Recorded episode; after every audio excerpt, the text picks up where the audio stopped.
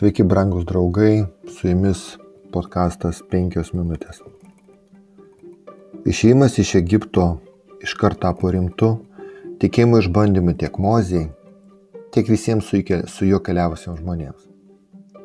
Egiptas, tiksliau Gošeno žemė, kurioje gyveno Izraelio tauta, buvo Nilo deltoje, nebuvo taip toli nuo Kanano Pavyzdžiui, atstumas iki Beršebos per Kadešą yra tik 300 km. Norint to keliu pasiekti Kanano žemę, judant a, iš Gošeno žemės, prireiktų tik vieno mėnesio, į dieną nukeliant po 10-15 km. Tai tikrai nėra didelis atstumas netiems laikams. Bet Dievas turėjo kitų planų. Izraelitų laukia daug artimesnė pažintis su savo tėvų dievu Abraomo, Izaoko ir Jokūbo dievu. Išėjimo 13 skyriui 20-21 eilutėse skaitome. Iškeliavę iš Sukoto, jie apsistojo etame netoli dykumos pakraščio. Dieną viešpas, rodydamas kelią, ėjo pirmojų debesies tulpu, o naktį ugnies tulpu, teikdamas šviesos, kad jie galėtų keliauti dieną ir naktį.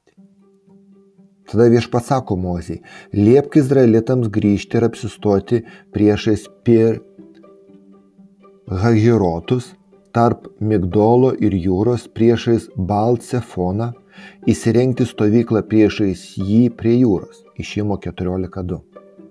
Viešpat sako, liepk jiems pasukti atgal. Galima tik įsivaizduoti save izraelitų vietoje. Ar tokioje situacijoje kiltų klausimų? Man tikrai kiltų klausimas, ką mes nuėjome neteisingų kelių? Ne iki galo žinoma, kur buvo būtent Pihorirotas. Žinoma, kad pajūrė, o tai reiškia, kad toje situacijoje kito kelio nėra. Tuo pačiu metu viešpats įspėja Mozę, kad egiptiečiai organizuos jų persiekėjimą manydami, kad Izraelis pasiklydo. Išėjimo 14 skyrius.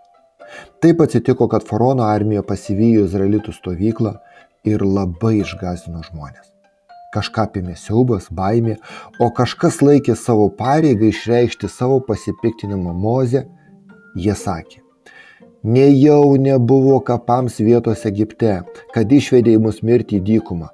Kągi padarėjai, išvesdamas mus iš Egipto? Argi ne tą pat mes sakėme tau Egipte, atstok nuo mūsų, leis mums tarnauti egiptiečiams. Iš tikrųjų būtų buvę geriau tarnauti egiptiečiams, negu mirti dykumoje. Tai buvo tie patys bailų žmonės, kurie faraonui pradėjo spausti juos, jau tada piktinosi Mozė išėjimo penktas skyrius. Vergiškas, bet stabilus gyvenimo būdas labiau patiko jiems nei laisvė, už kurią reikėjo kovoti.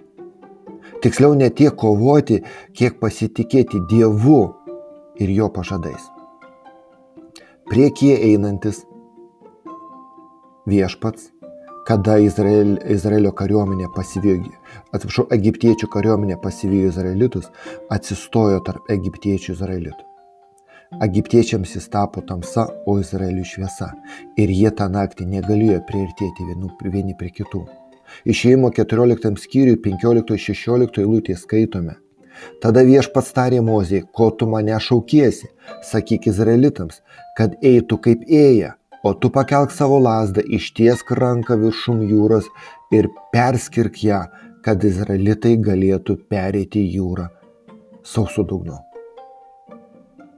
Mozė pakluso ir įvyko precedento neturintis įvykis. Jūros vandenys išsiskyrė ir tapo lik siena iš dešinės ir iš kairės, o žmonės galėjo eiti ir perėjo sausų dugnu. Po izraelitų į tą sausumos tarpą įžengė ir Egipto kariuomenė.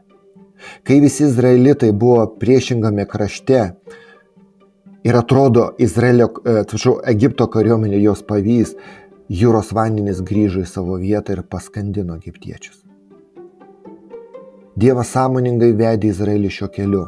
Pirma, vėl parodydamas rūpestį savo tautą ir nutraukdamas Egipto ir Izraelio santykius. Antra, tai buvo tikėjimo pamoka skirta išmokyti Dievo žmonės klausyti ir paklusti savo Dievui. Būdami tik kūdikiais tikėjimą, izraelitams reikėjo stebuklų ir dieviškų apsireiškimų. Jų tikėjimas sekė to, ką jie matė.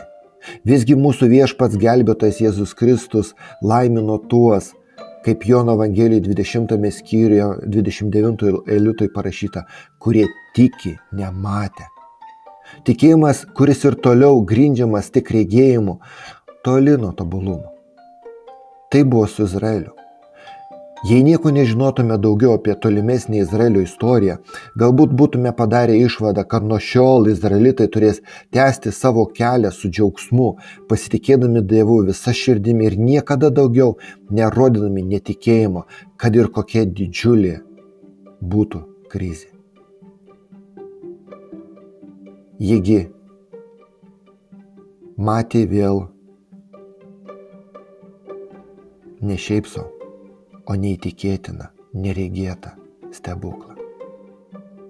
Priešingai, matome, kad jie nuolat rodo nepasitenkinimą Dievu ir Moze. Jie murma, jie nepaiso patyrimų, patyrimų ir patarimų. Prangus draugai, o kaip su mumis? O kaip su mūsų tikėjimu ir pasitikėjimu? Jei pasitikime Dievu nedaugiau nei mūsų pačių regėjimas gali pamatyti ir galime savo protų suvokti jo valią ir būdus, mes jokių būdų nesame pranašesni už tos izraelitus, kurie išėjo iš Egipto nelaisvės.